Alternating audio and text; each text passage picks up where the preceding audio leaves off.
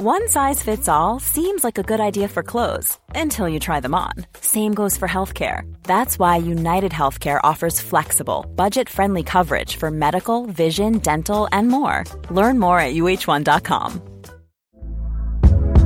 Hey there, it's Michelle Norris. I'm host of a podcast called Your Mama's Kitchen. When I travel, I'm usually looking for a way to find a taste of home when I'm not at home. And one of the things I love to do when I am at home is entertain. And Airbnb allows me to do that. When I was in California recently, I rented a house that had a great kitchen. And when we were sitting around the table, we were all thinking, we're in someone else's house. Someone could be in all of our homes as well. If you have a home, but you're not always at home, you have an Airbnb. Your home might be worth more than you think. Find out how much at airbnb.com/slash host. There's never been a faster or easier way to start your weight loss journey than with PlushCare. PlushCare accepts most insurance plans and gives you online access to board-certified physicians who can prescribe FDA-approved weight loss medications like Wigovi and Zepbound for those who qualify. Take charge of your health and speak with a board-certified physician about a weight loss plan that's right for you. Get started today at plushcare.com slash weight loss. That's plushcare.com slash weight loss. plushcare.com slash weight loss. Ja, Øystein. Skal vi podde litt igjen, da? Da er det klart for podd. Og eh, hvordan har uka di vært? Nei, jeg har snekra, jeg. Du har snekra? Ja, snekra. Ikke bare kanaler, men nå også med hammer? Eh, ja, bruker drill, da, vet du. Bruker drill, jeg skrur, vet du. Ja, ja, skjønner. Ja, jeg har fått en spennende postpakke, og så har jeg skrudd 46. Ja. ja. Skal vi komme i gang, da? Da kommer vi i gang.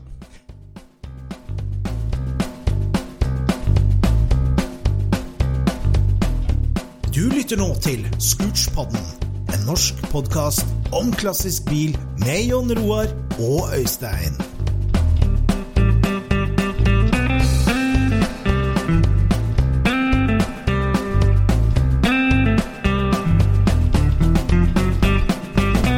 Yes, det er tid for pod. Det er uke 50 eh, 2019, og det er pod nummer 9.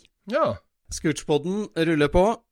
Ja. Og eh, jeg har jo begynt å, begynt å høre på litt andre podder nå, eh, basert på dine tips. Ja. Det, er, eh, det er lurt, vet du. Da ser du hvor Ja, litt- Da vet du hvor lista ligger.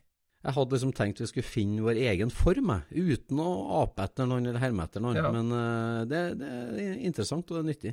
Ja, altså, vi finner jo vår egen form. Det, ble, det blir jo Det blir jo oss to, på en måte. Og så Ja.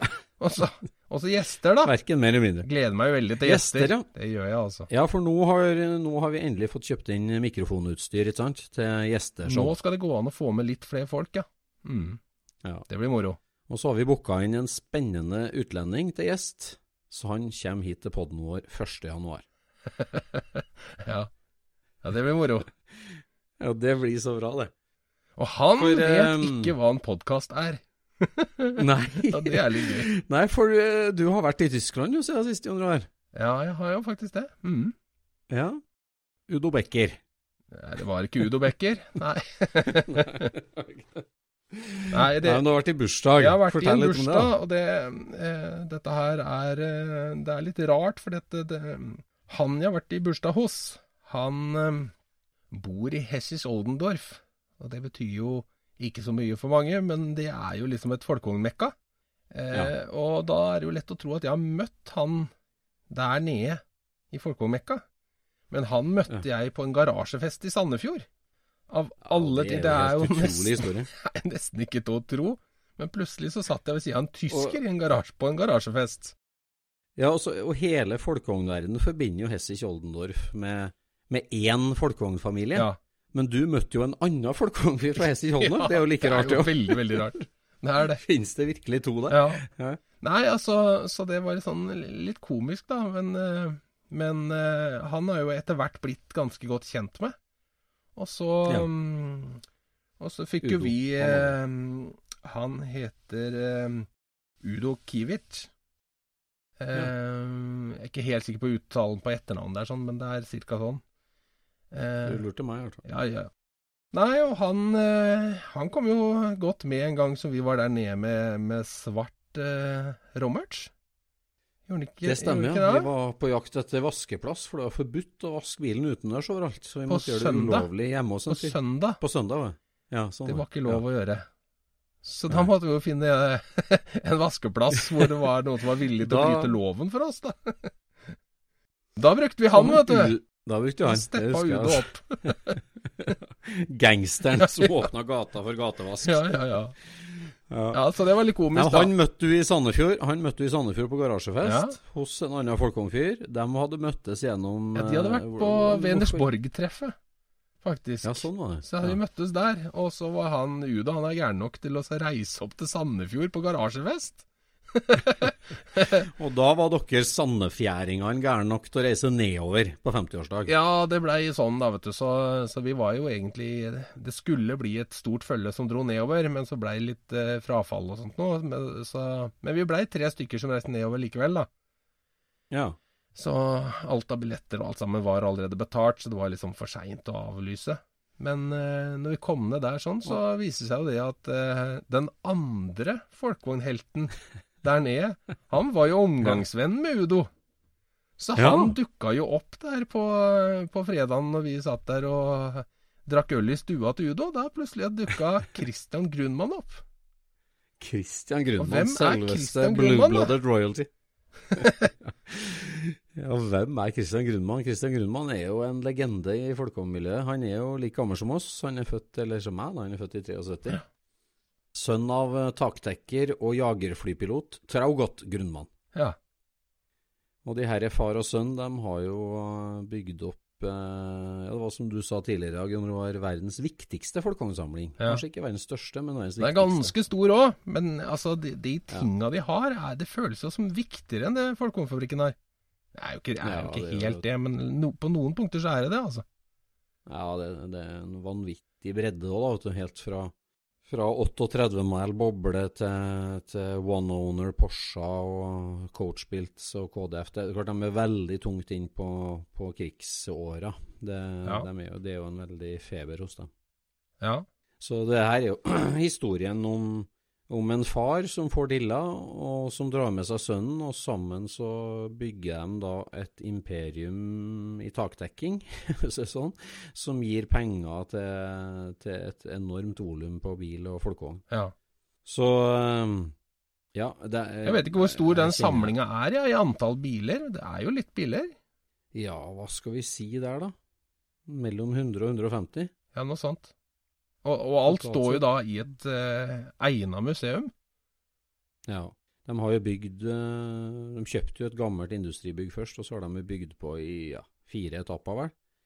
Og eh, det er jo det er artig, litt artig hvordan den samlinga starta. For altså Traugott Grunnmann han er jo da sønn av en polsk prest.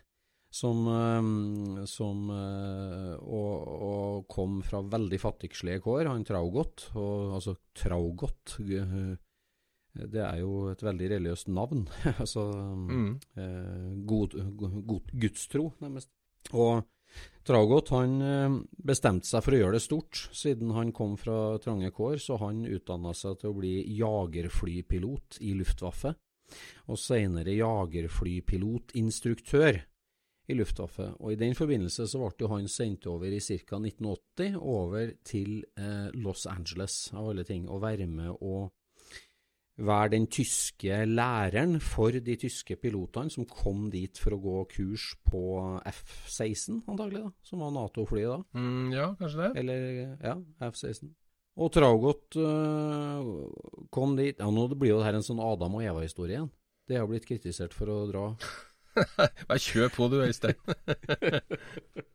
Tagot drar over til USA, tar med seg unge Christian og søstera på reisefølge, og bosetter seg der ved en militærbase, og, og da driver opplæring av jagerflypiloter. Og så bestemmer han seg jo for å Litt sånn tilfeldig, så, så øh, Han leter liksom litt etter en hobby. Han er interessert i bil, han er interessert i teknologi og teknikk og forskjellig. Mm.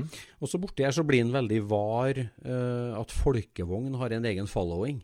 Og så blir han nesten litt sånn Fader, eller jeg er jo tysk. Jeg kjenner jo folkevogna bedre enn de Los Angeles-guttene her, liksom. Ja. Så drar han på et folkevogntreff og får skikkelig dilla, og så kjøper han seg en boble kabriolet, en 56 mann. Mm. Eh, og så kjøper han seg en, eh, en, en gul split window. Det var den gule splitten som var først, forresten. En, en, en gul 51 splitt, som er litt sånn kellukifisert på en måte, men han skjønte ikke helt forskjellen på det, så han eh, liksom fikk den i gang og fikk den i stand. Det henger jo et bilde av Traugot der sammen med, den, med, med caben og den gule splitten, og det, begge deler Ja. vil jeg jo si det ser Kelluk ut, eller altså Det ser Ja. som modifisert eh, California 1981-stuk, vil jeg si. Ja, ja, det var litt sånn, men Og med eh, Tom Selleck-bart i tillegg, da. Så, men den gule splitten fikk han i gang. eh, Gjorde ikke sånn veldig mye med den når han fikk den i gang, og dro på folkevogntreff. Og ble jo der eh, liksom kritisert. da. det er uoriginalt, og det er uoriginalt. Herregud, har du Sondre baklys på, han er jo helt dust, eller liksom? Og da drar jo Tragot hjem på hybelen sin til kona at fader, eller jeg er tysker, og eh, de drar ned buksa på meg, jeg skal søren meg vise dem. Det, det gikk en sånn fanden i at søren meg ingen skal kom, ikke en amerikaner skal komme og fortelle en tysker hvordan en tysk bil skal se ut. Det her skal jeg gå i dybden på. Og så kjøpte han seg en kabrioleten og kasta seg på ei eh, veldig detaljert restaurering av den borti der. Og så ble han jo restasjonert hjem til Tyskland igjen og tok med seg den boblecaben. Og det var jo det frøet han tok med seg. eh, Og når han kom hjem til Tyskland da, tidlig 80-tall, det var ikke noe voldsomt miljø for folkevogn eh, da i, i Tyskland. Eh, amerikanerne lå jo foran, sånn som vi har snakka om før i poden her òg, at eh, amerikanernes forhold til bil som livsglede og livshobby er jo helt spesielt. Ja. Så han kom jo hjem og var litt sånn den enøyde i de blindes rike, nærmest. Han, han kasta seg på og jaga jo folkevogn og kjøpte folkevogn og dro på seg to Hebmüllere over natta, nærmest, eh, i løpet av de første par årene han kom hjem til Tyskland. Ja. Og det der ble jo starten på ei utrolig samling da, som, som sønnen har plukka opp, og nå driver de jo sammen for fullt. og, og ja, bytter biler med Folkevognfabrikken, selger biler til Folkevognfabrikken, og er jo en slags det har jo et slags gravitasjonsfelt rundt Hessis Oldendorf som tiltrekker seg folk og biler fra hele verden. Men eh, hvis vi skal ta to høydepunkt da, i, i den samlinga der, sånn, så er det vel den 38 kan vi vel si er det ene høydepunktet. Ja, det må man jo si. For det er en sånn førseriebil, ikke sant? Ja, det er jo, det er en av de to 38-modellene som eksisterer. 38 var jo første året der bobla så ut som bobla. Ja, Hvor en vanlig person ikke kan skille den fra en produksjonsbil, liksom. Den ser Ja. helt ferdig ut, egentlig. Ja, ja. Ser helt ferdig ut. Da, da, da hadde jo Mercedes lagd de første prototypene, V1 og, og V3 og VV30. Og så var det jo Porsche som lagde den eh, VV38-serien. Mm. Eh, eh, og, og Reuter, da, delvis, som lagde de karosseriene. Så det var jo den første på en måte forserien som så ut som bobla. Mm. Og en sånn dukka det opp på internett. Ja, det var jo Undis fra Litauen, som eh, er en uh, folkevognnerd fra Litauen, som farta rundt i Litauen og, og tok bilde av eh, mye rare, gamle folkevogner. og altså, I østblokklandet, så mye det, det var jo krigsbytter her, ikke sant? At russerne, når de, trakk seg til, til, når de dro ut av, av Tyskland etter krigen, så tok de jo med seg alt av interesse. Mm.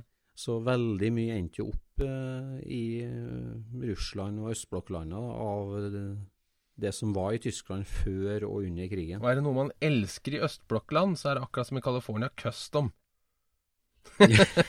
Men av litt annen grunn. Får ikke tak i Ja, noe annet enn jo- Niva, liksom. Nei. Nei, det var Volga-sjassi på den her, da. Eh, For Undis han eh, farta rundt og tok litt bilder av folkevogna i den lokale klubben sin. Eh, og der var det en tidlig entusiast da, som hadde en to-tre folkevogner, annet ja, et rødt skall som sto på et Volga-chassis. Med hjemmelagd frontrute, hjemmelagd bakrute. Alt var vel stort sett herja i stykker. Og og motoren satt jo foran. Skrotten, ja, motoren satt foran. Det var, et, det var en skrott av et karosseri og to originale dører. Og deler av et panser. Og deler av et baklukke, faktisk. Mm. det. Og Undis reagerte jo på at eh, hjørnene på motorluka var firkanta, 90 grader, og ikke avrunda. Ja. Og la ut det på The Samba. Kan det her være en forseriebil? Spørsmålstegn. Ja. Og Det ble jo starten på eh, et av de store Da gikk flyalarmen i eh, Hesisch Ollendorf. Da gikk flyalarmen i Hesse Kjoldendorf til gangs òg. Så øh, de fikk båndtenning. Folkevognfabrikken var jo, ble jo også involvert etter hvert, men mente liksom at det var så lite igjen at de kunne ikke verifisere det, på en måte. Og avfeide litt fort med det, da. Men øh, der hang grunnmannen seg på, ja, en uendelig lang historie fort. Så, så ble det jo bevist at det var 3806, altså den sjette bilen som var produsert av de 38-modellene. Og de bytta jo da med han eh, Ja, nå husker jeg ikke hva han heter. Han eh, karen som hadde den, da. Eh, han, han fikk jo en topprestaurert 42-mal eh, av dem, en topp, topprestaurert KDF-boble, fullt kjørbar. Som han fikk i bytte mot Ja, det Visste han hva han hadde da, eller han ble bare, kanskje bare klar over det, eller? Han ble klar over det, han ble klar over det, men, men altså Å bygge opp den bilen der igjen, det, det er jo Ja, altså, du må ha tilgang til helt unike tegninger og deler. Du må lage masse deler sjøl. Det er på en måte to, Og, eh, det er to grupperinger som kan gjøre det der, og det er Folkevognfabrikken, og så er Grunnmann. Ja. ja. Folkvognfabrikken har jo prøvd på noe sånt, ikke sant. De har jo bygd Jo, men de satt vel på tegningene, eller? Eller kanskje de lå hos Porsche, de? De var hos Porsche. Det var på Porsche-arkivet som kom til hjelp på omtrent alle detaljene på den bilen. Ja. Men eh, har jo altså de har jo bygd replika av V1 og V3, kan du si, og, eh, VV30 og for den, men det, det ligner jo ikke engang. De, eh, Nei, de litt- tok utgangspunkt i et Kybelwagen-chassis, og så tilpassa de karosseriet etter det, så det ble jo helt feil fra starten. Så jeg vil jo si at den ble restaurert eh, bedre enn eh, enn enn det har gått an noe annet sted. Absolutt. Ja da, så eh, den 38 det, det som var litt artig med den, det første var jo at masse måtte lages, masse, masse måtte finnes. Det var ratt, og det var, det var, var lykteglass og alt mulig rart som Altfor lang historie å ta hele den restaureringa. Det å legge det puslespillet Mm. var jo en enorm jobb, men det, det ble litt artig, da, for at det ble jo en sånn Jeg vil jo si en av, en av de tidligste sånn restaureringene som var nesten litt sånn live-restaurering på nett. Ja. Altså den derre Den tråden, jeg vet ikke hvor mange views har nå, det må jo være over en million. Altså det er jo en, en lang restaureringstråd der de eh, der de skjønte verdien av å holde hele folkevognverden oppdatert. da. Og det ble jo så spennende. Det ble jo nesten daglige oppdateringer, i hvert fall ukentlige oppdateringer gjennom en par år. Når hele det prosjektet der gikk fra ja, Volga-lik til en superlekker eh, For det, det, var vel, det var vel en sånn eh, en eh, forumdeltaker på The Samba som skjønte, eller som klarte å finne ut hvilken bil det var. Var det ikke sånn? Som satt og sammenligna disse buene på baklokket der. For at alle bilene Ja. var jo ulike, og det var én som var spesielt ulik, og det var denne her eh, 06-en, da. Som hadde litt grunnere bue på ene sida enn på andre sida. Og derfor så fant de ut at det er bilen. Ja, ja, stemmer. Det var noe med det. Det var det. Og det var en kar som hadde bare satt og sammenligna bilder på Volga-liket, og med de bildene som var Det var jo veldig få av de der 38-bilene. Ja, det er veldig få. Så, det, så det var liksom bare én bil av den samlinga som hadde eh, såpass deformert baklokk, da. så der Ja, men de, de de hadde veldig jo kryss. De hadde jo krysspeiler. Altså av alle de 30 som ble lagd, så, så De hadde jo gått gjennom lista mange ganger. Altså hva, Ja, stemmer det. hva, hva er nummeret på Hitler-caben? Altså den ene kabrioleten fra samme serien da, som, som, eh, som Hitler fikk under grunnsteinsnedleggelser, den står jo på Folkevognmuseet i dag. Mhm. Og er den andre overlevende. og den, eh, altså Man visste jo nummeret på den, og man visste nummeret på mange som har vært brukt til forskjellig testing og høgd og sånn, så det var liksom ned til Det måtte være én av tre til slutt. Ja, stemmer. Sånn var det, ja. Mhm. En, en sånn pinpointing til slutt. Da. Så den er jo absolutt et høydepunkt, den bilen. Så den er jo helt ferdig nå, står der eh, kliss strøken. Mm. Så den eh, Men hvis, hvis det ikke er det råeste høydepunktet i samlinga di, da har du en god samling. ja. Jeg syns jo de har noe som er tøffere enn det òg. Oi. Eh, da må jeg tenke på hva du tenker på. Det er jo eh, den tunnelen. Ja, det også. Det er, Jeg syns jo det er tøffere. ja. ja da, de har jo verdens eldste folkevogndel, Ja. har de. Ja. Eh, ja. Tunnel nummer 26. Dra den skrøna den- der, da. Dra den skrøna. Nei, altså Jeg har jo blitt kjent med Grunnmann-familien. um, Jeg var jo der første gang i 2001. Eh, var ikke det? 2001, når Hessich-Oldendorf-treff nummer eh, tre ble arrangert. Og ble godt kjent med dem eh, egentlig på den første turen der. Eh, som var like gammel som meg og overentusiastisk sånn som jeg var, så jeg har, har jo vært der ofte, og de har vært her, og jeg har blitt godt kjent med dem, så jeg har fått hørt mye av de historiene. da. Så jeg vet jo ikke helt hvor eh, offentlig eh, alt skal være, kan du si. Men det som er helt sikkert, da, det er jo det at eh, de har da en tunnel fra den VV30-serien. VV30 var den prototypeserien på 30 biler som ble lagd i 1937. Eh, etter altså at de lagde bare en håndfull prototyper først, så var liksom den første litt sånn serieproduserte bilen da, var den VV30, som fortsatt ser veldig designa ut i forhold til hvordan 38-modellen ser ut. da.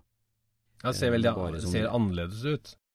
Ser annerledes Det er ut. den ja. som har Den er- bare louvers istedenfor bakrute. Ja. Hele rumpa bare er litt, og så er den litt mindre enn den bobla vi kjenner i dag. Og så er den bygd av Mercedes-fabrikken. Mercedes fikk oppdraget, oppdrag, Mercedes-Benz i Sindelfingen fikk oppdrag å lage de 30 karosseriene. Så det er Mercedes hjul på den, og Mercedes bremser på den. Eh, og en liten 1000 kubikker boksefirer bak, da, og et veldig enkelt tunnelsjassi som er veldig likt eh, sånn som vi kjenner bobla, men, men alt er annerledes. Men, grunnen til at, at den ikke er så vanlig lenger, det er jo for at de rett og slett bestemte seg for å hogge den opp etter at, uh, at testinga var ferdig. Ja, det der har jo en helt uh, Altså, i utgangspunktet, da, når de etter Den prototypeserien der ble jo brukt til vindtunneltesting og til, til sånn ristetesting og langveiskjøring og bakkeklatring. Alle de ble, det ble jo testa veldig hardt.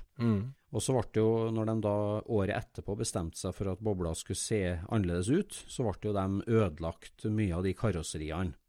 Eh, med, delvis med vilje, men eh, sånn, hovedsannheten er jo egentlig det at, eh, at Ferdinand Porsche, eh, han Det som var igjen av de bilene, samla dem sammen til Porsche konstruksjonsbyrå, og de slakta dem og brukte opp de delene til masse prototypebygging ut, ut gjennom krigen. Ja. Derfor var det at de dro med seg mye av det der opp til Gmund, og hadde det der som en sånn delehaug å plukke av eh, i de tidlige krigsårene, Mm. når de eh, bygde prototyper på andre ting. Eh, og den bil nummer 26, da, det var jo en vindtunneltestbil. Det finnes masse bilder av en med masse hyssingtråder teipa fast på overalt. Eh, og så ble den høgd, og så endte den opp på skraphaugen til Ferdinand Porsche konstruksjonsbyrå. da. Og så bygde de den første Kybelwagen-prototypen på det chassiset. Eh, Ja, de tok ned den tunnelen, på en måte, så brukte de det. Hjuloppheng og Ja. Brukt tunnel og hjuloppheng på, på første Kybel-karosseriet. Og så ble jo den Kybel-prototypen overlevd krigen, eh, og endte opp eh, på private østerrikske hender etter hvert. Og endte opp på en, en, et høggeri i Østerrike i, på 70-tallet, der det var en tidlig folkeentusiast som plukka opp det vraket der og dro det med seg hjem. Og, og delte den opp egentlig, og brukte vel deler av det karosseriet og deler til å restaurere en annen kybel. Og så ble det her stua unna på låven, egentlig, i, i deler. mm. Og den der gravitasjonskraften i Hesse-Kjoldendorf da gjør jo at uh, ja, jeg vil si at det var sikkert eh, tidlig 2000-tall. da, et- Etter jeg ble kjent med dem, i hvert fall, så fikk de tilbud om den tunnelen. da, Bare tunnelen. Og det var en helt naken tunnel, for å si det sånn. Ja, ja. ja. Det sitter vel et torsjonsrør på den, gjør ikke det? Jo, det gjør det. Jo, bak. Ja, mm, Ja. det gjør det. Mm. Og så rammehue. Rammehue. Mm. Et snodig rammehue som ikke ligner på de vi har nå på boblen i dag. Ligner grisen. Ja, Nei. det er sant. Ja. ja da. Så den, eh, den måtte de bytte til seg og måtte blø for. Så det var, det var ikke noe dårligere bytte, det, som satt på det. Men den, eh, den, hang jo lenge nede på veggen der nede. Eller nei, mm. jo, Jeg vet ikke om jeg så den der nå, men, men i hvert fall så, så klarte de jo å finne den Kybel-prototypen nå, da. Ja. Resten av den bilen. Det, de visste jo om den hele tida, egentlig, for det kom jo fra samme fyren. Men så den, det karosseriet hadde vært en, noen, en del andre eiere på da, i Østerrike, så de var jo etter det hele veien. Og til slutt greide de å overtale han eieren av det òg, og fikk tak i den òg. Mm. Så de fikk jo tak i det karosseriet etter hvert òg, og den er jo restaurert som verdens eneste 39 kybel, altså første ja, som prototype kybel. Da brukte Grunnmanns et, eh, et tidlig kybelsjassi på den da, for å kunne bygge opp den VV30-en igjen. Ja, ikke sant? Og det har de jo starta på nå. Ja, for da når vi satt der og drakk øl i stua til Udo, så kom jo Da kom jo eh, telefonen fram, da. Skulle vise bilder av hvordan de hadde funnet feila som folkevognen hadde gjort når de skulle lage karosseriet på nytt. Ja. Fordi, eh, som du sier, da, så skal jo den, en sånn VV30 den skal være mye mindre enn ei boble, egentlig. Eller en, en, mm. del mindre. Kanskje 10% mindre, eller noe sånt noe. Mm. Sånn at når, når eh, Folkvognsis versjon har eh, overheng på skjermene på kanskje 10-12 cm, så ser du på de gamle bildene at de felgene er jo helt ute i hjulbuene på, på de gamle. Så de har jo mm. mye mindre karosseri. Mm. Men proporsjonene skal jo selvfølgelig Proporsjonene på VV-sis ligner jo, men den er mm. for stor, liksom. Mm. Mm. Så, så, de tok eh, jobben ordentlig og fikk en eller annen designer fra Folkevognfabrikken til å komme der og, og, og dra opp dette her på veggen. Og tegne opp og prosjektere bilder over chassis. Og nei, det var, det var skikkelig moro å se. Altså, det er nerding på ordentlig høyt nivå. ja. Ja, for de har jo bygd opp chassiset nå. De har jo, basert på bilder og tegninger, så har de jo eh, Gjenskapt hele chassiset? Ja, gjenskapt hele chassiset. Med utgangspunkt i den originale tunnelen. Og nå skal de til med karosseribygginga. Mm. Nei, det, det, Ja, det er som du sier, det er høydepunkt etter høydepunkt, men den det når den står ferdig, da, og da ryggraden og nummeret stansa inn under håndbrekket 26, er jo tydelig og ja, ja, ja. er jo i bra stand, egentlig. Så det, det, er jo utvilsomt uh, verdens uh, eldste folkevognting, rett og slett. Helt, uh, helt rått. Mm. Nei, det var artig, det. Og det var et, et, en bra bursdag også, faktisk. ja, for Grunnmann altså de arrangerer jo verdens største folkevogntreff. Og er det 40 000 eh, folk fra hele verden? Ja. Uh, tre, eller 6000-7000 biler som kommer dit. Ja. Så vi, vi kjenner han jo bare som folkevogngrunnmann, for så vidt. Hvordan var han på, på tysk 50-årslaget? ja. Nei, da ja, Han var jo som alle andre, han. Det er det som er så komisk, ikke sant? Du tenker liksom på han som at uh, han har et image å holde på og alt dette her, ikke sant? Men ja. uh, nei, han uh, løsna på slipset, han gitt. så det var uh, Så det var eh, veldig spesielt i tider, det der, vet du. Og det Når, eh, når det blir nok øl, og, det blir eh, Nena med 99 luftballongs og, det, og Christian Grunman står og rocker løs, da da blir det Det blir litt sånn over det blir, Du føler deg helt merkelig, vet du. Men jeg tok heldigvis ingen bilder, så det er Alt er glemt. Alt er glemt, vet du. Nei, det var artig, det der, vet du. Det var gøy. Ja. ja satt dere og snakka folkevogn da hele tida i en krok, eller? Nei, nei. nei. nei altså um, det blei jo vi, vi, gjorde mye unna det på fredagen, da. Og så på, ja. på lørdagen så fikk vi prata en, en, del da òg, selvfølgelig. Men, men, ikke hele tida, nei. Mm. Men, det, men, jeg tror han syntes det var litt gøy å finne en som var, som var litt over gjennomsnittlig interessert, da. For jeg, jeg, tror ikke alle sambygdingene hans var like interessert i folkehånd som han. Virka ikke sånn. Nei.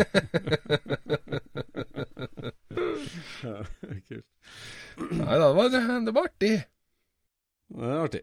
Veldig bra. Nei, vi kommer jo tilbake til det. Han, øh, han, kommer jo til Norge på nyttårsfeiring, så vi har tenkt å få han i, foran en pod-mikrofon og få høre det Ja. Snakke litt med han om folkevogn. ja, det blir artig.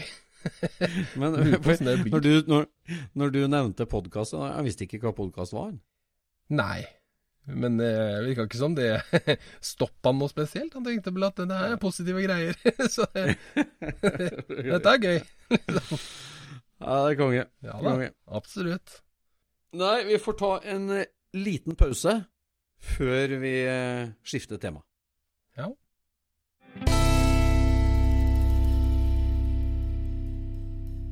Yes, da er vi tilbake til pausen. Det er nye muligheter og nytt tema. Ja. ja. Hva tenker du om de siste to ukene som har gått her? da? Har det, har det vært noe som har fanga interesse, eller? Det er stadig vekk eh, ting eh, på blokka hos meg. Det Jeg har brukt litt tid på eh, norsk Porsche-historie.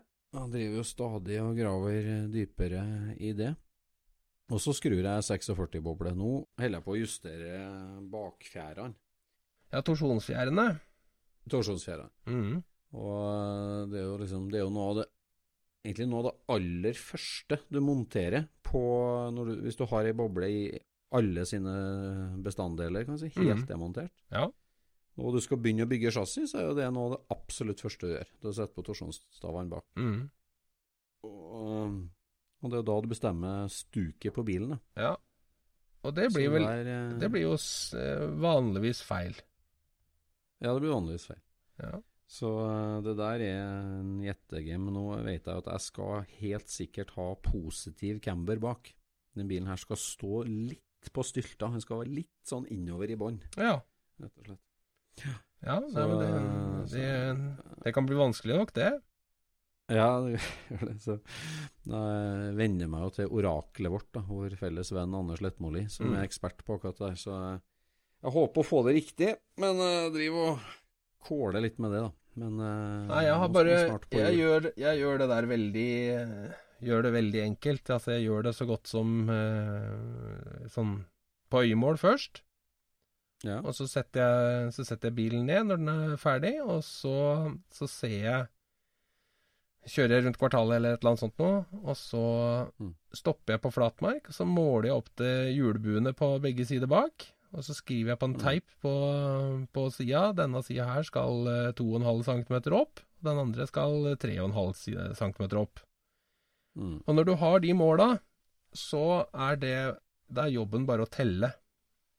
Mm. Fordi for hvert eh, For det er sånn at på folkevogna så er det splines inne og ute på torsjon- torsjonsstavene. Mm. Og det er et ulikt antall. Det vil Mm. si at, eh, at eh, når du vrir et, et splines-hakk opp inne, så, og vrir ett splines-hakk ned ute, så får du en høydeforskjell på 5,5 millimeter Ja. for hver er hakk. Fem og en halv. 5,5 millimeter. Og da er det bare å Mm. ta det tallet som du har på skjermen der, og dele på 5,5, så står det i Mm. klartekst hvor mange hakk du skal opp og ned. Mm. Og så er det sånn at du teller jo den ene veien. Eh, Du tar den innerste, og si den skulle da fem hakk opp, da. Så tar du den innerste, så drar du den sakte ut mens du holder press i den retningen som du skal vri den til. Og så kjenner du at han begynner å komme ut av hullet, og så glir den Og da begynner du å presse litt forsiktig inn igjen idet den glir ut av hakket, sånn at den glir inn i neste. Og så gjentar du det fem ganger. Mm. Mm. Og da er det sånn at det, den ytre fjærplata, den må du da ha tatt av. Ellers så står den og peker opp i bakskjermen din. Den peker opp i bakruta di, ikke sant. For fem hakk, Mm. det blir Mm. en veldig stor visuell forskjell der ute. Så der ute Mm. er det nesten ikke vits å telle. Fordi du kan, du kan da bare sette den på i den posisjonen som, som du tror at det blir riktig. Ikke sant? For at det, Mm. hakket, Mm. hakket over blir, Det blir Mm. jo fem centimeter feil. Mm. Og hakket under dit du skal, det blir jo fem centimeter feil. Så det er helt opplagt hvor den eh, fjærplata skal stå, så det er ikke egentlig nødvendig å telle Mm. ute. Det gir seg sjøl, det. Mm. For at Mm. du vet at eh, hvis han før la, lå oppå denne hvileklakken, Mm. eh, og du skulle ha den høyere, så sier det seg sjøl at da skal den jo ikke være over hvileklakken etterpå, da skal den jo være forbi hvileklakken, ikke sant? Mm. Og er, de hakka er såpass grove at det, det der gir seg sjøl. Så da det, Jeg har aldri liksom eh, gått feil på den måten der. Det er, det er rett fram når du bare, når du bare tar den derre Hvis du orker å skru bilen ferdig og sette den ned, Mm. og så skrive opp disse måla, så er dette her Det er én pluss én er to. Altså, det er bare sånn. Det er Nei, ikke det, noe er som magi, liksom. det, det som jeg står med akkurat der nå, det er jo at eh, jeg har jo bare lyst til å finne ut nå at jeg, at jeg er likt på begge sidene. For at staven nå er jo Begge stavene Alt har vært fra hverandre. Mm. Så når jeg nå smekker det sammen, så er det jo Da må du holde på å jukke og justere på ei side for å få at OK, nå er de parallell, i hvert fall. Mm. For at jeg, jeg vet jo ikke hvor jeg er hen i hele tatt. For jeg, jeg vet ikke hvor lang øh, Hvor mange hakk på indrespansen du er før du på en måte har gått en runde og er tilbake til Altså ikke en runde, men til, til arma er tilbake til utgangsposisjon, da. Ja, det er eh, 40 splines inne og 44 ute. Ja. Jeg er ikke helt 100 på det, men altså, forskjellen er veldig, veldig liten. ja. Sånn at eh, eh, dette her med også Det er ikke så veldig viktig, det der med, med, med hvor de stava står hen, sånn egentlig. Altså, det, det blir så lite forskjell, og de bilene er liksom litt ulike uansett, kan du si. Altså, så Du har aldri nødt til å sette den tilbake til null. Altså, Det hadde vært det beste, selvfølgelig, hvis du visste hvordan folkevognen hadde satt den inn første gangen. Men Ja. det er ikke noe Det er ikke noe Det er ikke noe sånn datumlinje på staven som, som ser ja, det var det jeg hvor på å lete etter, da. Ja. Ja, for jeg tenker liksom at du skulle hatt en sånn klokka tolv-spline, på en måte, som du, Ja, som du visste var opp, starter med liksom. står opp. Ja, Ja. står opp på likt på begge sidene. Men det er ikke Men, så eh, lett er å se. det, Det er jo slått inn noen merker og noe sånt nå, men jeg tror at, eh, at den derre Hva kan det bli for noe? Det er jo liksom Det er så lite forskjell at det, det menneskelige øyet oppfatter ikke, ikke sant? Altså når, når du kan stille til 5,5 millimeter, Ja, ja. Og så Ja, står du der og måler Det er måleteknikken din slår ut mer enn eh, Mm. en Ja. justeringa di, ikke sant? Ja, ja.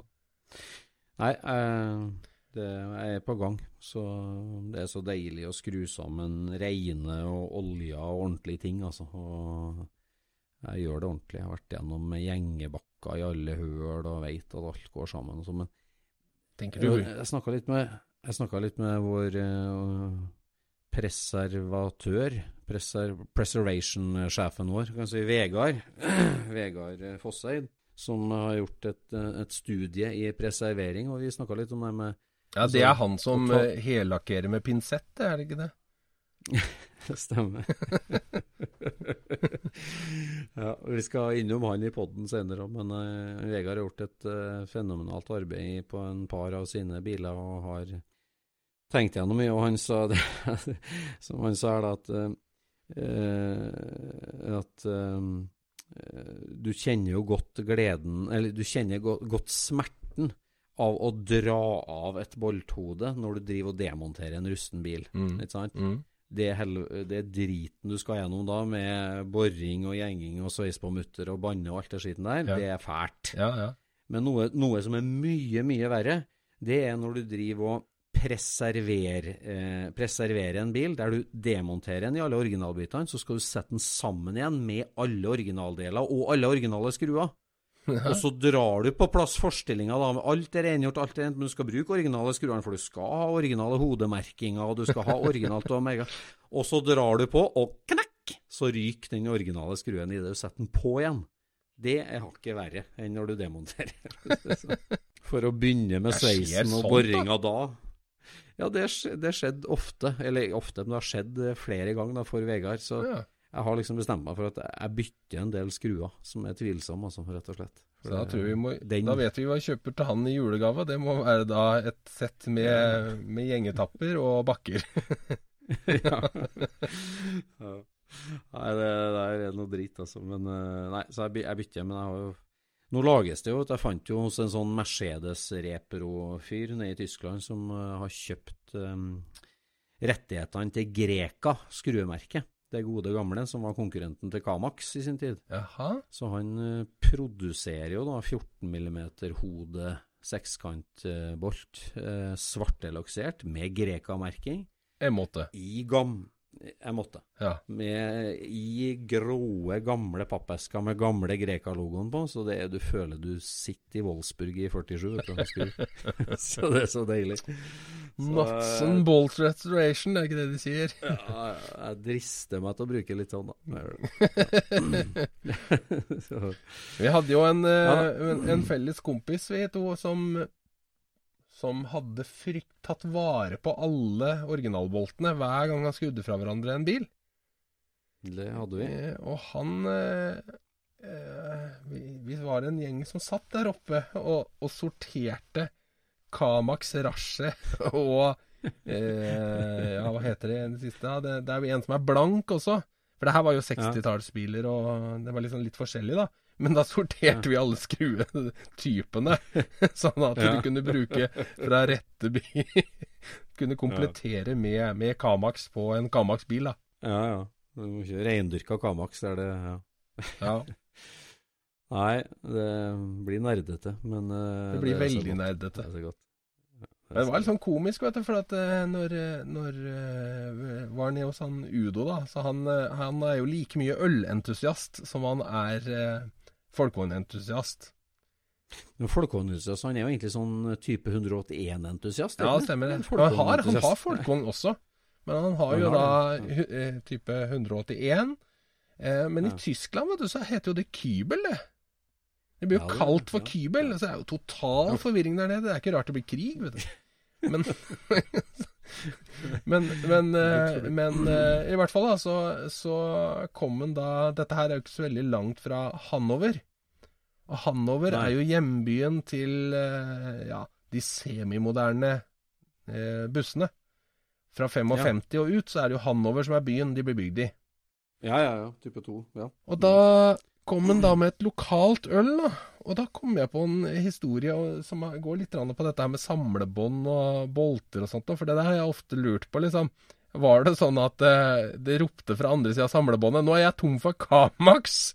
Nå har jeg bare Ja. rasjet her, så nå må noen løpe og hente mer Kamax, ellers så blir det begge deler på den bilen her, liksom. Ja. Stoppa de da samlebåndet, eller? Men hva, hva gjorde de, liksom? Men, men eh, ja, det jeg skulle si, da, var at eh, når jeg demonterte eh, et av interiørpanelene bak i ambulansebussen min, ja. Så hadde jo eh, han som hadde satt opp taktrekket i den bilen, han, han sitter jo da og sleiver med lim og, og, og jobber, ikke sant? Så han hadde jo bare slengt på ei svær klyse med lim på karosserisida, og smack midt i klysa med lim satt da et øletikett fra eh, et bryggeri i Hanover. Nei? Jo, kjempestilig, vet du. Eh, så den har jeg selvfølgelig da tatt vare på, da, for at jeg lot den jo henge der. Men Ja. var den da som jeg kom, da hadde den jo falt ned fra limet, da. Så, så den har jeg tatt oh. vare på. Så Nei. det syns jeg er, det er litt gøy, da. og, ja, det ølet kjente han Udo igjen, eller? Nei, altså, jeg hadde ikke med meg den lappen jeg, men det var, jeg ble påminnet når jeg fikk en øl fra Hanover i handa der. Ja, Så bare fader, Ja. kanskje det ølet fortsatt fins? Det er jo litt artig, da. Det hadde vært kongen. Så den var nok Bak- antageligvis laga rundt lunsjtider, vil jeg tro, da.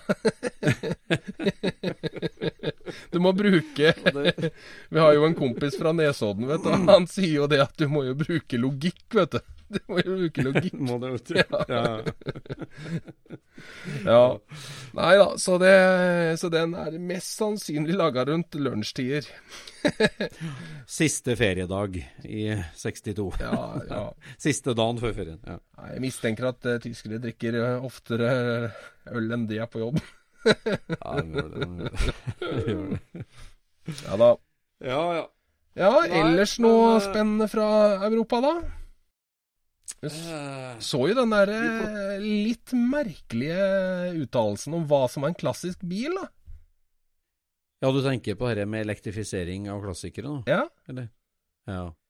det var litt sånn, eh, litt sånn uh, underlig uh, move. At hvis du konverterte veteranbilen din til, til eldrift, så var det ikke lenger en klassiker. Nei. Og hva, hva kan være grunnen til å gjøre en sånn bestemmelse? Hvorfor, hva betyr det? Hvorfor betyr det noe? Nei, det der er en interessant sak. Jeg tenker jo det øh, Altså, vi må jo alle ta stilling til elektrifisering både av transportsektoren, den kommersielle transportsektoren, og også klassiker øh, og bilsport. og vi, vi, må ta stilling til det. Alle må ta stilling til det. Jeg er helt uenig, det, for det, det, det, skjer, det, skjer, uansett. Samme om du tar stilling til det eller ikke, så skjer det. ja, ja, ja. ja. Nei, ta stilling til kanskje feil, men det, berører oss, da, på ja, et vis. På et eller annet vis gjør det jo det. Mm. Men, men, jeg bare tenker det at når, når Hvis noen i, I Tyskland, da, så har du jo sånne ting med at du får ikke lov å kjøre inn i en by med en bil som er eldre enn så så gammel, ikke sant. Det har jo noen stat, bystater her som er sånn. At du får ikke lov å kjøre inn med gammel bil. Jeg er litt usikker på om det er sant, jeg. Men ja, det er en, en Ifølge de folkevognentusiastene Urban legend. Ja, mm. ifølge eh, tyske mm. folkevognentusiaster så gjelder det i visse mm. byer i Tyskland. Om de har rett i det eller ikke, det vet ikke jeg, men eh, dette her var jo han Georg Otto, så han burde jo ha litt eh, snøring på det. Ja, ja. Men, Nei, jeg så i hvert fall nå en sak med at, eh, at eh, sant, Paris nå så stenger de bomringen for bensinbiler visse tider på døgnet. Men der er, det, der er det unntak for 30 år gamle biler. Ja, ja. ja Nei, altså det, det, som, det som, jeg skulle uh, argumentere mm. for, var jo Hvis det var noen som mente at um, det var den eneste måten de kom seg rundt Eller det var en måte som de kunne kjøre mer i sin gamle bil, da Eh, så så syns jeg det er veldig rart at et der, et sånt, organ skal gå ut og si at det, eh, det der er ikke noe klassisk bil. Altså, hvem trenger en mm. sånn dom som det, liksom? Hva, hva mm. brukes den dommen til? Er det for at du ikke skal da få veteranbilforsikring, eller hva, hva, hva er vitsen med det? Eller er det for at ingen skal, eh, ingen skal snu seg og kikke etter den bilen når de kjører forbi, liksom, for at det, det skal ikke telles som klassisk bil lenger, det, siden de ikke, siden de ikke hører motoren? Jeg tenker altså Fiva, den internasjonale organisasjonen for, eh, for uh, klassiske biler, kan du si, de drar jo opp den linja fordi at altså, Vi kan jo diskutere om vi er enige eller ikke enige i det, men de, de, de jobber jo politisk. De jobber jo for, for betingelsene i EU hovedsakelig da, for, for klassisk bil. Det handler om beskatning og bruksbegrensning. og og eh, ja, ja. verdisetting og alt mulig. Og de har jo sagt at måte, de, de, jobber for klassiske biler i hele, hele Europa. Mm. Eh, men, eh, men, grensa for hva en klassisk bil er, det har jo vært en det har jo vært ei rullende årsgrense i mange år, og de har jo drevet klassifisert det med hva er vintage, hva er antique, hva er classic car og på en måte deler hit sånn i segment, da, avhengig av hvor gammelt det er. Ja, For at det eh, får da en innvirkning på skatten, eller bruken, eller hva da? Ja, helt sikkert no, noen av noen, Some of the above, for å si det sånn. jeg, jeg, vet ikke helt nøyaktig hva. Med uh, Altså på, på hvilke årsklasser de måte, ja, fritak for sikkerhetsbelter og blinklys og masse sånt de jobber ja, for. Ja, litt sånn bas basert på hvilke av det da.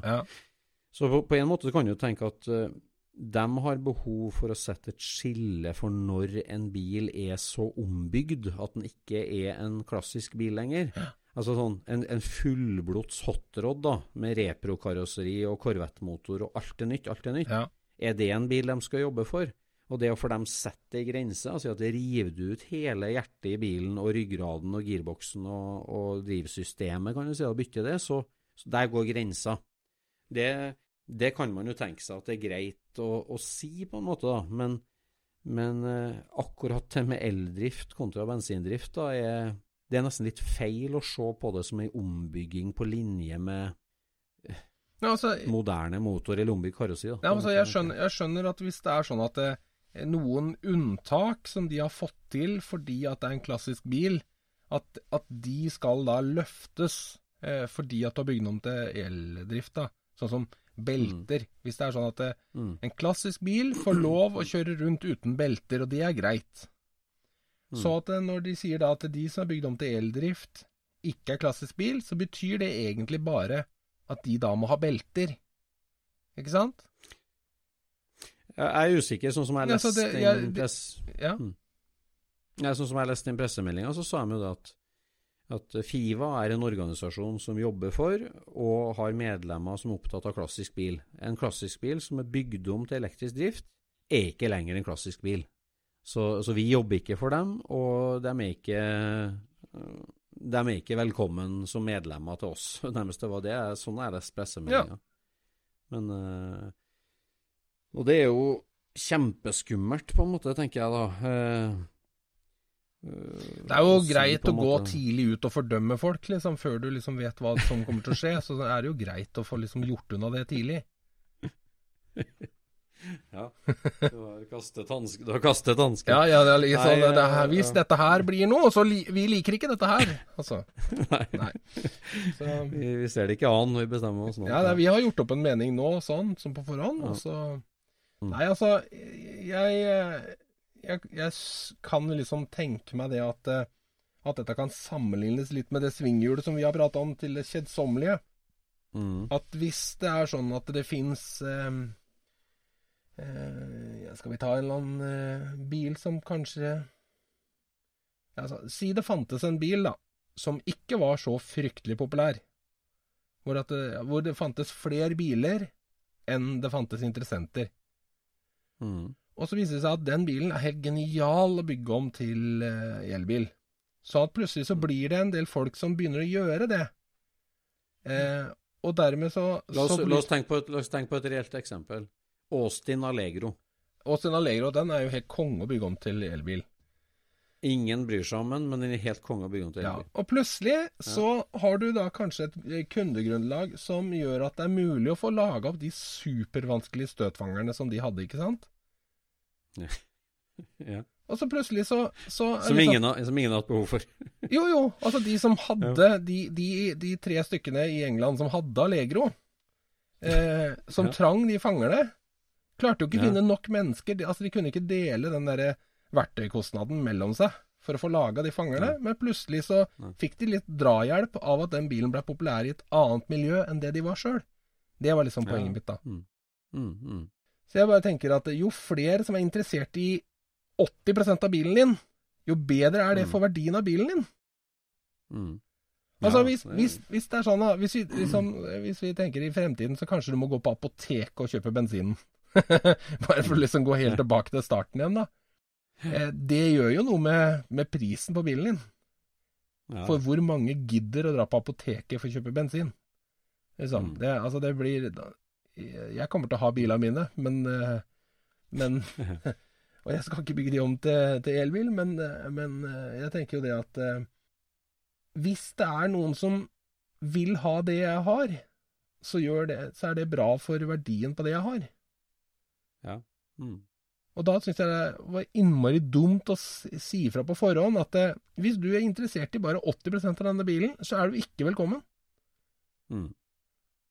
Veldig spesiell statement. Ja, jeg syns det var Veldig tidlig. Ja, jeg, jeg, tidlig. Ja, det, altså, det jeg lurer på, var hva er hensikten med å si det? Altså, hvorfor si mm. det?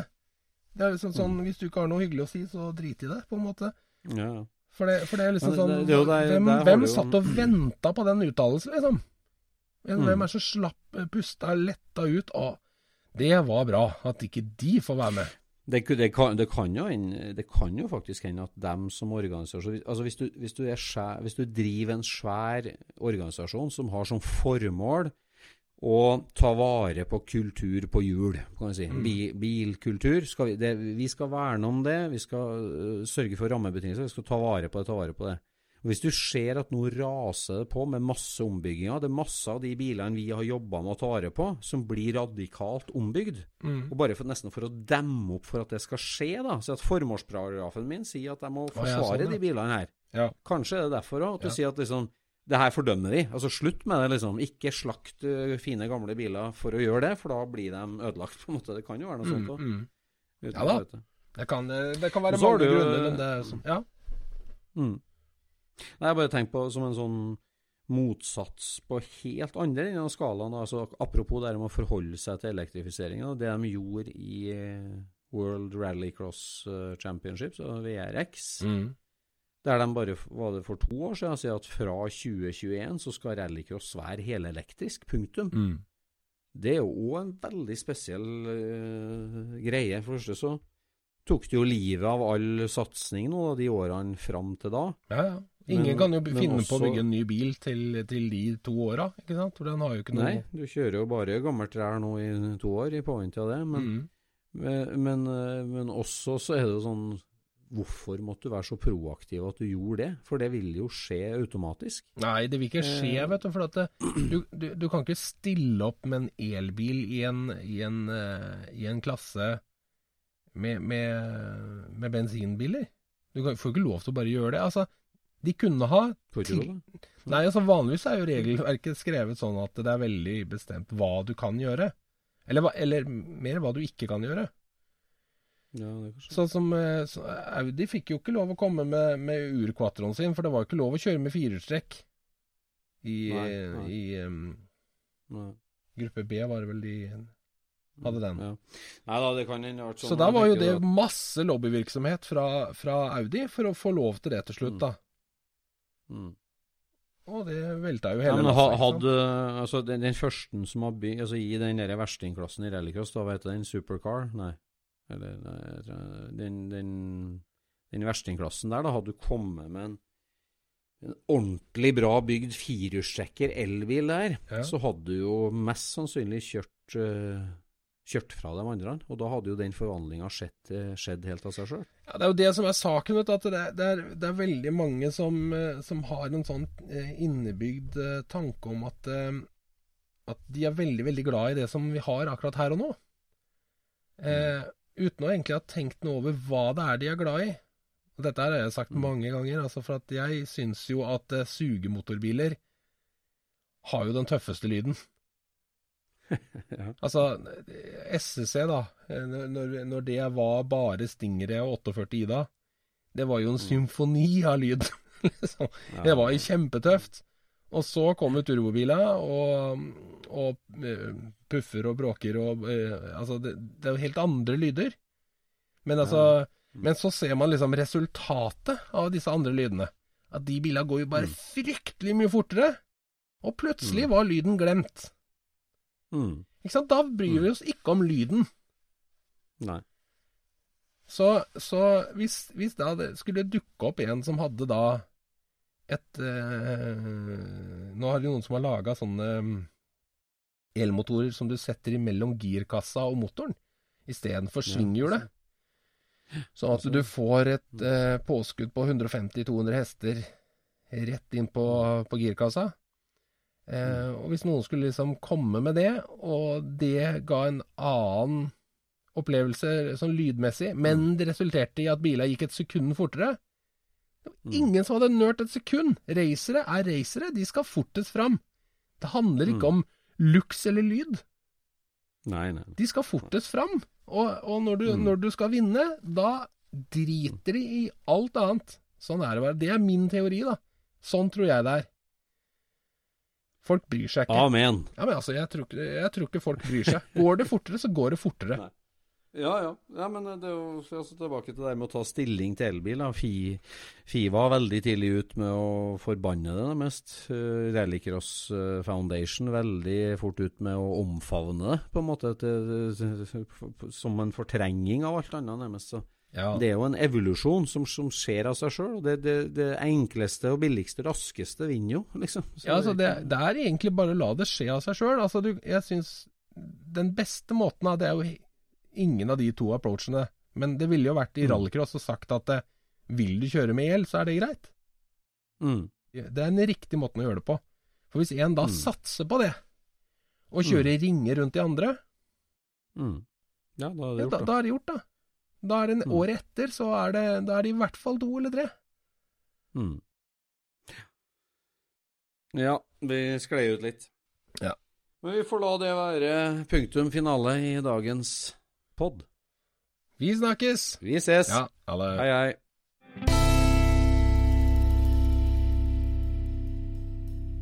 Da er det bare én måned til vi skal møtes på fjellet, Jon Roar. Ja, det nærmer seg. Nærmer seg. Snow Er det snø det, tror du?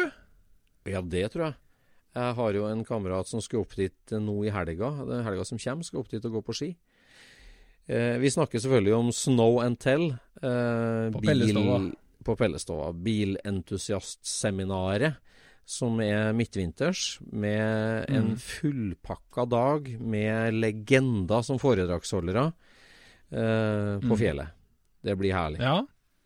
Ja, det var gøy sist, og det blir helt sikkert gøy nå igjen. For vi har jo fått tak i kjempefine folk til å prate om. Og det er jo én der som jeg aldri har hørt Altså, Jeg har jo hørt om han i mange sammenhenger, men jeg har liksom aldri mm. hørt historien hans. Nei. Nei, vi snakker om motorsportslegenden Kjell Gudim.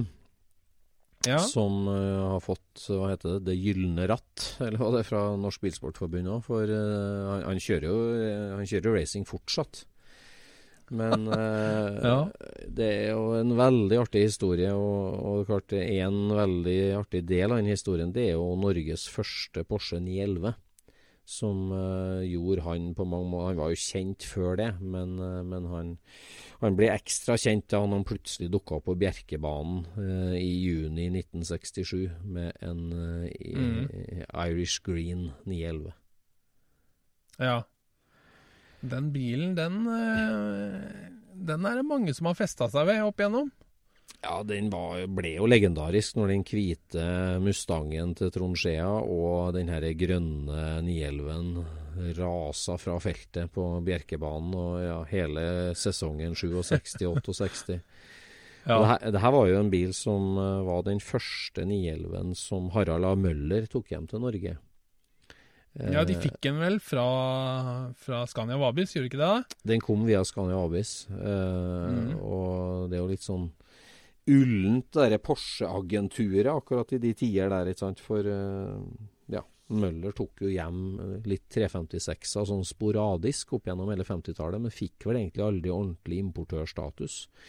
Og så tar jo Bertel og Steen over agenturet òg der, uh, ja, i omtrent 1970, og det blir litt sånn fram og tilbake. Men denne bilen, da, i hvert fall den legendariske eh, grønne 911, den, den, tok Møller hjem og, og lånte den da bort til Kjell Gudin, som kjørte uh, i hvert fall to fulle sesonger med. Ja, for han begynte i folkevogn, ikke sant? Begynte i folkevogn. Han kjørte folkevogn og fikk jo en ordentlig oppgradering der, da. Ja, han gjorde det. Gjorde det. Og det var jo en sekser. Han tok vel hjem en hvit 912 òg, som han kjørte lite grann, men, men den var jo Eh, det der var jo eh, altså, vet, er, altså, Når du var vant til å se en firkanta NSU og en Amazon Du kan tenke deg når en sånn flunka ny 911 stilte på grusbane på Bjerkebanen. Det måtte jo vært som et romskip, det, tenker jeg. ja, jo da. Ja, den bilen uh, satte spor. Uh, så gikk den jo videre i 69 til Lloyds Industri nede i Fredrikstad, og gikk jo videre der med tikka piggdekkreklame. Så har han jo levd et langt og knallhardt liv. Du har jo hjula for den bilen, du. Ja, jeg har uh, to av felga som sto på den den gangen som Gudim kjørte den, ja. Mm. ja. Det var så gøy, for det, det, er jo så få bilder av, av den bilen med hjula på. Mm. Altså, jeg har ikke sett så mange. Nei. Men plutselig så gikk Trond Skjea bort. Ja. Og da var det jo NRK sendte jo da et lite klipp fra eh, Gardermoløpet. Ja. Og der sto plutselig eh, Gudim-bilen med de felga i depotet. Gjorde det. Og vips hadde vi liksom festa de hjula til Eller de felga til eh, den bilen. Og det er jo alltid artig. Ja, selv, om, en, selv, om, vi på en måte visste det var sant, så, så er det gøy å se det.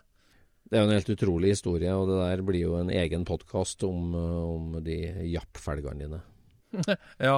ja. ja. Hvordan jeg fant ut av hva det var og alt mulig greier. Så det, nei, det er litt artig. Det må vi ta. Den tar vi en annen gang. Men vi gleder oss i hvert fall til Snow and Tell når Kjell Gudim forteller sin uh, lange, lange livshistorie, og også historien om Norges første 911 i racing. Ja, det blir artig. Det blir artig. Det er bare ja, å gå så det er, eh, det er fortsatt eh, noen få hotellrom igjen. Så det fins både firemannsrom og det fins eh, tomannsrom. Så det er bare å ringe Pellestova, så. For man bestiller rom direkte sjøl, og så selger vi billettene oppå der. Ja. Mm. Til foredrag og, og sånt noe. Ja. SSS No and Tell. Pellestova første helga i mars. 7. og 8. er jo eh, lørdag-søndag der. Men vi har jo tenkt å komme på den eh, sjette. Det er jo fredagen uh, først. Da blir det Skavlan i baren. Skavlan i baren. først, første kvelden er alltid den beste, vet du. Så må få med seg fredagskvelden. Ja, ja, ja. Yes. ja det blir bra. Vi ses. Scootchpoden produseres av SSC e Media, med god hjelp av VV Norge og Trond Dahl for hosting, Knut Micaelsen for musikk. Abonner på Scootchpod via podcaster eller Acast, og følg Scootspod på Instagram og se det vi snakker om. Der kan du også komme med kommentarer og innspill, og fortelle oss hva du vil høre om.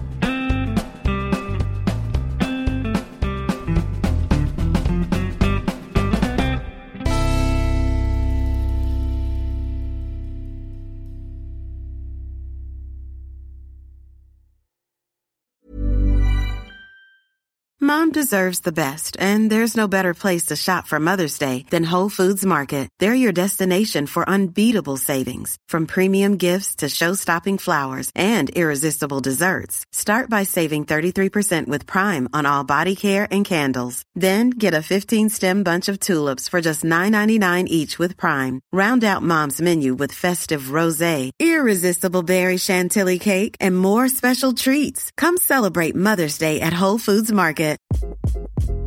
Hi, this is Craig Robinson from Ways to Win, and support for this podcast comes from Invesco QQQ, the official ETF of the NCAA. The future isn't scary. Not realizing its potential, however, could be. Just like on the recruiting trail, I've seen potential come in many forms as a coach. Learn more at Invesco.com slash QQQ. Let's rethink possibility. Invesco Distributors, Inc. Even when we're on a budget, we still deserve nice things. Quince is a place to scoop up stunning high-end goods for 50 to 80% less than similar brands. They have buttery soft cashmere sweaters starting at $50, luxurious Italian leather bags, and so much more. Plus, Quince only works with factories that use safe, ethical, and responsible manufacturing. Get the high-end goods you'll love without the high price tag with Quince. Go to quince.com/style for free shipping and 365 day returns.